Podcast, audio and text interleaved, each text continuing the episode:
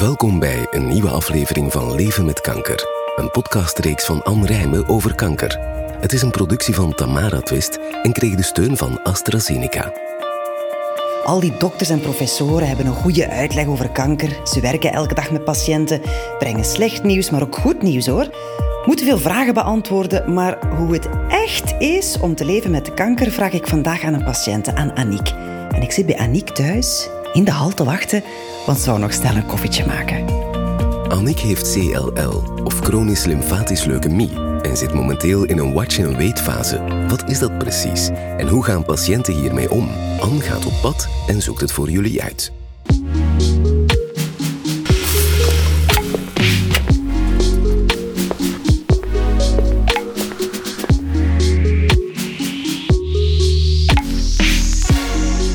Dag Anne, hier is uw koffie, hè? Ah, dankjewel, Aniek. Zeg, we zijn hier voor een babbel, hè. Ja, inderdaad. Over de diagnose. Kan je eens precies zeggen welke diagnose dat je hebt gekregen? Ja, ehm, ik heb een vijftal jaar geleden die diagnose CLL gekregen en dat is ook bekend als um, chronische lymfatische leukemie. Oké. Zeg, en voelde jij je dan op dat moment ziek of is de diagnose per toeval ontdekt? Um, de diagnose is inderdaad per toeval ontdekt. Um, ik ben op, uh, ja, gewoon gegaan voor een preventieve mammografie, omdat borstkanker wel in de familie zit en mijn mama ook op, op jonge leeftijd borstkanker heeft gehad. En van daaruit was eigenlijk een, een logische stap om, om vroegtijdige mammografie te laten doen. En daar zag eigenlijk de radiologe dat ik vergrote lymfeklieren had in mijn oksels. Um, en dan heb ik daar opnieuw een nieuwe echo en mammografie moeten laten doen om te zien of dat wel echt was. En dan heeft ze mij toch doorverwezen naar de huisarts, omdat ze zei, ja, er zijn allemaal klieren en ik kan dat eigenlijk niet direct verklaren waarom. Voel jij je ziek, voel jij je niet ziek? Ik zeg, ja, nee, ik heb eigenlijk op dit moment echt geen klachten van een infectie of dergelijke. Nee, en wat heeft je huisarts dan nog verder gedaan? Uh, vanuit de huisarts is eigenlijk een bloedname gebeurd, een zeer uitgebreide bloedname, maar daar kwam ook niet direct uit dat ik um, ja, een of andere vorm van leukemie zou hebben. En ook infecties kwamen daar niet uit die dat de lymfeklierenvergroting zouden kunnen verklaren. En hoe ben je dat dan? Hoe zijn ze dan uiteindelijk toch tot die diagnose gekomen? Um, dan ben ik eigenlijk zelf een beetje op onderzoek uitgegaan. En omdat ik zelf werk in een ziekenhuis, heb ik wat mensen aangesproken en is de bal aan het rollen gegaan. Dan heb ik onderzoeken gehad. En uiteindelijk ben ik dan na zes maanden tijd op de dienst hematologie terechtgekomen um, met de diagnose. Um, ja. Zeg, en hoe word jij nu behandeld?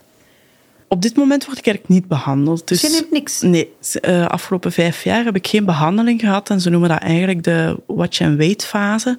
Dus dat is een fase waarin dat je blijft wanneer dat je bloedwaarden redelijk stabiel blijven of nog niet zodanig slecht worden dat er ineens moet behandeld worden. Heeft jouw hematoloog uitgelegd waarom dat er eigenlijk geen behandeling wordt opgestart? Ze heeft dat gezegd inderdaad, um, dat het geen zin heeft om nu al te behandelen, omdat ik nog goed ben.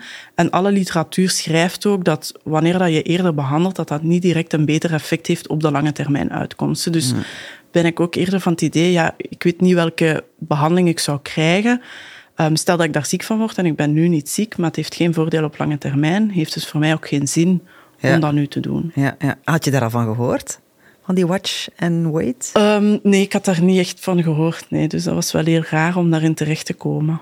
En is het dan niet raar om te horen van ja, oké, okay, je hebt kanker, maar we gaan niks doen. We gaan wachten. Ja, absoluut. Want ik ben een persoon die echt van aanpakken houdt. Uh, er stelt zich een probleem en we gaan voort. We gaan het aanpakken, ja. Ja, we gaan het aanpakken en we gaan voort. En dat kan nu niet. Uh, dus je moet wat afwachten. Dus zeker de eerste maanden gaf dat heel veel stress, omdat je ook om de drie maanden uh, op controle moet gaan.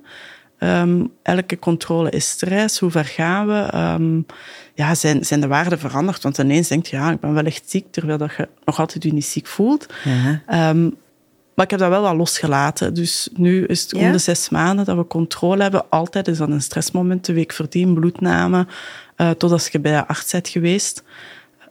Maar ja. Dus je gaat eigenlijk van, van stresspiek naar stresspiek? Ja, ik kan het al wel redelijk loslaten eigenlijk, ja. ja. Het, is, het is die week dat ik misschien wel wat stress heb, maar voor de rest probeer ik dat zeker niet mijn leven te laten beheersen. Nee. Hoe heb je dat gedaan? Want ik kan me wel voorstellen dat er mensen zijn die in dezelfde situatie zitten, die dat niet kunnen loslaten. Hè? Wat is jouw tip daarvoor? Oef. Ja, dat is wel moeilijk. Ik denk een beetje ingesteldheid ook. Ja. Ik ben een hele positief ingesteld persoon. En zeker zijn daar moeilijke dagen. Hè. Ehm, ik ga zeker niet zeggen dat zes maanden alles roze geur en maneschijn is. Maar anderzijds, ja, ik heb ook een gezin. En voor hun heeft het ook geen zin dat ik, dat ik alles op zijn beloop laat. En misschien niet positief ingesteld ben. Want daar hebben zij ook niet veel aan. Is er iets veranderd aan jouw levenskwaliteit? Nee, op zich niet. Ik ben nog altijd ehm, fysiek eh, helemaal in orde. Ik ben niet extreem moe, gelijk dat je zou kunnen verwachten. Ehm, maar dat heb ik eigenlijk helemaal niet. Niks. Want als ik Nee. naar jou kijk, jij ziet er helemaal niet uit als iemand die, ik ga het woord toch gebruiken, kanker heeft. Ja, inderdaad, nee. Eh, ik, zie, ik, ik heb ook geen klachten van die kanker of van die leukemie. Ehm, het enige wat dat ik heb is wat verdikte lymfeklieren in mijn hals. Maar voor de rest heb ik daar geen last van. En komt dat ja, fysiek of, of zie je dat ook helemaal niet aan mij dat ik, Nee. dat ik ziek ben eigenlijk. En ook zoals je zegt, geen verminderde energie of... Nee, dat was zeker bij mijn diagnose. Had ik wel verminderde energie, maar dan kwam ik ook uit een heel drukke periode van een drukke job, mijn doctoraat afgewerkt. dat erbij Stress komt. Ja, wat. ja, Ja, ja. ja, we waren aan het bouwen, een jong gezin, twee kinderen gekregen. Dus het was een, eigenlijk het normale patroon dat iemand wel wat moe kan zijn. Ja, ja, ja. Ehm, of dat nu echt door de CLL kwam of niet, dat weet ik niet, want nu ben ik totaal niet moe meer. Ja. Dus, eh, Nee. Zeg, en heb je dat dan verteld aan jouw omgeving?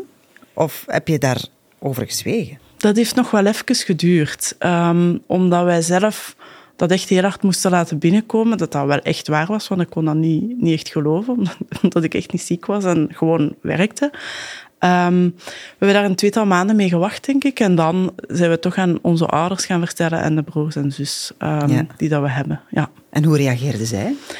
Ongeloof ook. Ehm, ik denk wanneer dat we gaan kijken naar mijn mama, die was ook ja, heel angstig, omdat ze zelf ook borstkanker heeft gehad en dat wel terug beleefde, denk ik, op dat moment. Ze weten soms nog niet altijd goed hoe dat ze moeten reageren, want dat blijft wel moeilijk. Ook gelijk dat u zegt, ja, ik ben niet ziek, ik voel me niet ziek, ik kan alles doen. Maar toch zit ik toch in een traject waarin ja, dat ik leukemie heb en waarin dat ik opvolging nodig heb. Ja. ja. Weten jouw kinderen dat? Ja, mijn, eh, mijn twee zonen zijn op de hoogte. We hebben dat niet verteld bij diagnose, want toen waren ze maar drie en vijf jaar. Eh konden Ja. dat ook niet vatten. We konden dat zelf ook niet vatten op dat moment. Eh, maar dan is corona gekomen, dan hebben we dat wel verteld, omdat er... ehm, ja, we hebben wel gevraagd om nog eens meer dan andere kinderen handen te wassen als ze Ja, thuis extra kwamen, extra te maatregelen te, te nemen. We hebben ze wel nooit thuis gehouden van hobby's of zo, en ik vond niet dat zij de dupe moesten worden van Mhm. hetgeen dat ik heb. Ehm, en nu zijn we daar eigenlijk heel open over. Ehm, en als er controles komen, vertellen we dat ook gewoon. ja. ja. Zeg, en wanneer wordt het dan beslist wanneer ze jou wel in de behandeling zouden steken? Ehm, dat is afhankelijk van bloedwaardes. Ehm, of als er een, eh, een verslechtering is op zes maanden tijd, dus een verdubbeling van bepaalde waardes, gaan ze mij in, in een traject steken. Ehm, of als ik zeg, ja, die klieren in mijn nek worden toch veel te dik, dat ik het esthetisch niet meer oké vind. ah, ja, dat kan zo dan- dik worden dat je dat echt ziet. Want ik zie Eh, nu echt niks bij u, Aniek. Nee, inderdaad, nu niet. Maar ze zijn ook al veel dikker geweest als ik een infectie heb. En dan ben ik echt wel, ja, is mijn nek wat gezwollen. Ja. Maar ik zie ook wel dat dat voorlopig altijd nog afneemt. Ehm, Ah, ja, ja, dus ja. Dus als het zou blijven, dan ja, is dat alweer dat een het indicatie. blijft. Ah, ja, inderdaad. Ja.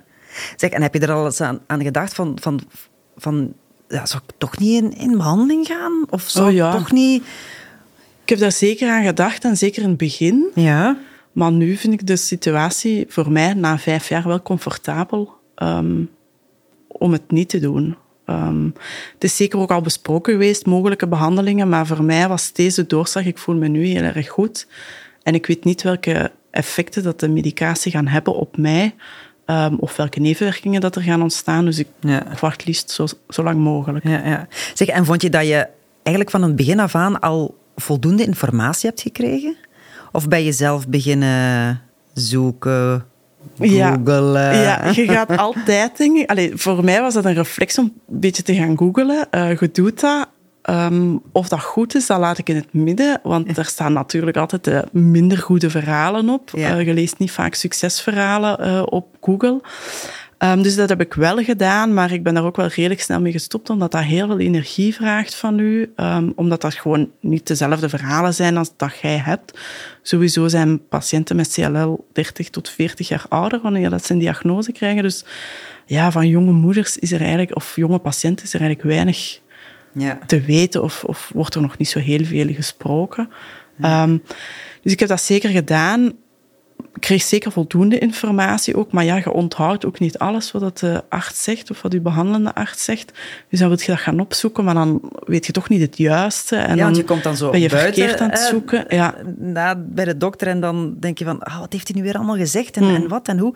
Is dat ook zo dat als je op controle moet, dat je een lijstje bij hebt met nog extra vragen? Soms wel, omdat ik zelf een paramedische achtergrond heb, zoek ik ook wel wat dingen op om wetenschappelijke literatuur. Nu. Maar je dus weet waar dat je moet zoeken dan. Ja, dus als er nu dingen zijn die ik niet weet, dan ga ik het wel bevragen aan haar eh, of aan mijn behandelende arts. En dat is zeker oké. Okay. Um, Ze staat daar ook voor open. Ja, ja. Zeg, um, zijn er ook nog zo andere uitdagingen geweest in die periode? In de voorbije periode van die vijf jaar, dat je zegt van, oh, dat vond ik nu toch wel een moeilijke, want daar heb ik me toch moeten overzetten. Emotioneel? Um, ik denk dan hebben we het allee, voor mij althans, vooral over het beginperiode, omdat wij ja, een jong gezin zijn en we wouden nog graag kinderen, we wouden een groot gezin. Maar ja, er is weinig literatuur, er is weinig evidentie of dat veilig is of niet veilig is. En mijn behandelend hematoloog zei, ja, heb eigenlijk liever niet dat je nog kinderen krijgt. En dat vond ik wel heel moeilijk, want we worden heel graag een groot gezin. Nu, ik heb twee super toffe uh, jongens. Allee, no offense daartegen.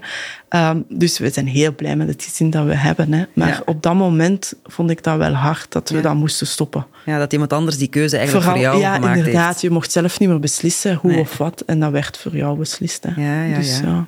Zeg, en heb jij iets veranderd aan jouw levensstijl? Bijvoorbeeld, eh, ben je plots anders gaan uh, eten? Ben je meer gaan bewegen? Dingen veranderd die je gezondheid mhm. ondersteunen? Ik, uh, ik ben wel meer gaan sporten en op mijn voeding letten, puur omdat er ook een kans um, is bij CLL-patiënten dat ze in een chemotraject terechtkomen. Uh, en ik dacht, ja, ik moet gewoon een fit lichaam hebben. Stel dat ik in, die chemo, in, een, in een traject terechtkom, of dat nu chemo is of immunotherapie, dat ik gewoon sterk genoeg ben om dat aan te kunnen. Ja, ja, ja. Uh, dus ja, ik sport wel beduidend meer dan vijf jaar geleden alleszins. Ja, ja, ja. Ja, misschien ook omdat ik meer tijd heb, maar ook er meer, meer tijd omdat mijn kinderen al wat groter zijn, bedoel ik dan. Maar ook meer bewust dat dat toch wel belangrijk is om te doen. Om fit te blijven. Ja. Ja. En je voelt je goed eigenlijk. Hè? Ja, je voelt je goed, hè? Ja, ja, ja, zeker. En van voeding? We zijn aangesloten bij, een, um, ja, bij zo'n een veld waar je verse groentjes kan halen. Zo de korte keten, wat dat ah, ik, uh, dan ook, wel uh, belangrijk vind. Dus van daaruit probeer ik wel ook mijn gezin verder um, eigen te maken dat gezonde voeding wel heel belangrijk is. Dus um, ja. Ja. Dus ik heb daar wel wat meer aandacht voor dan vroeger alleszins. Ja. ja.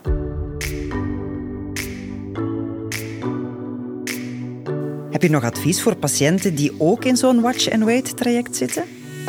Wanneer ik naar mezelf kijk, vond ik het wel belangrijk om wat tijd te nemen voor mezelf om die diagnose te vatten of te laten binnenkomen. Want ja, dat is toch niet niks wat je te horen krijgt wanneer je een, een, een diagnose voor CLL krijgt.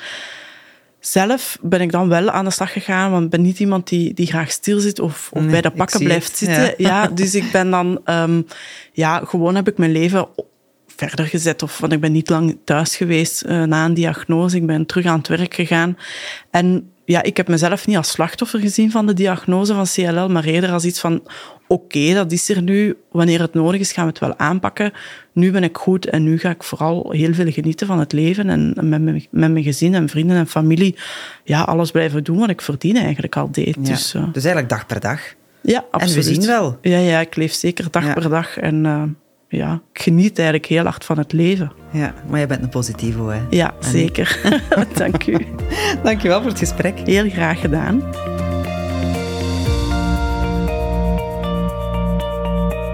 Bevalt deze podcast jou? Beluister dan zeker ook onze andere podcasts om meer te weten te komen over leven met kanker. Deel het met mensen uit je omgeving waarvoor het ook een steun kan zijn. Bedankt voor het luisteren en graag tot een volgende keer.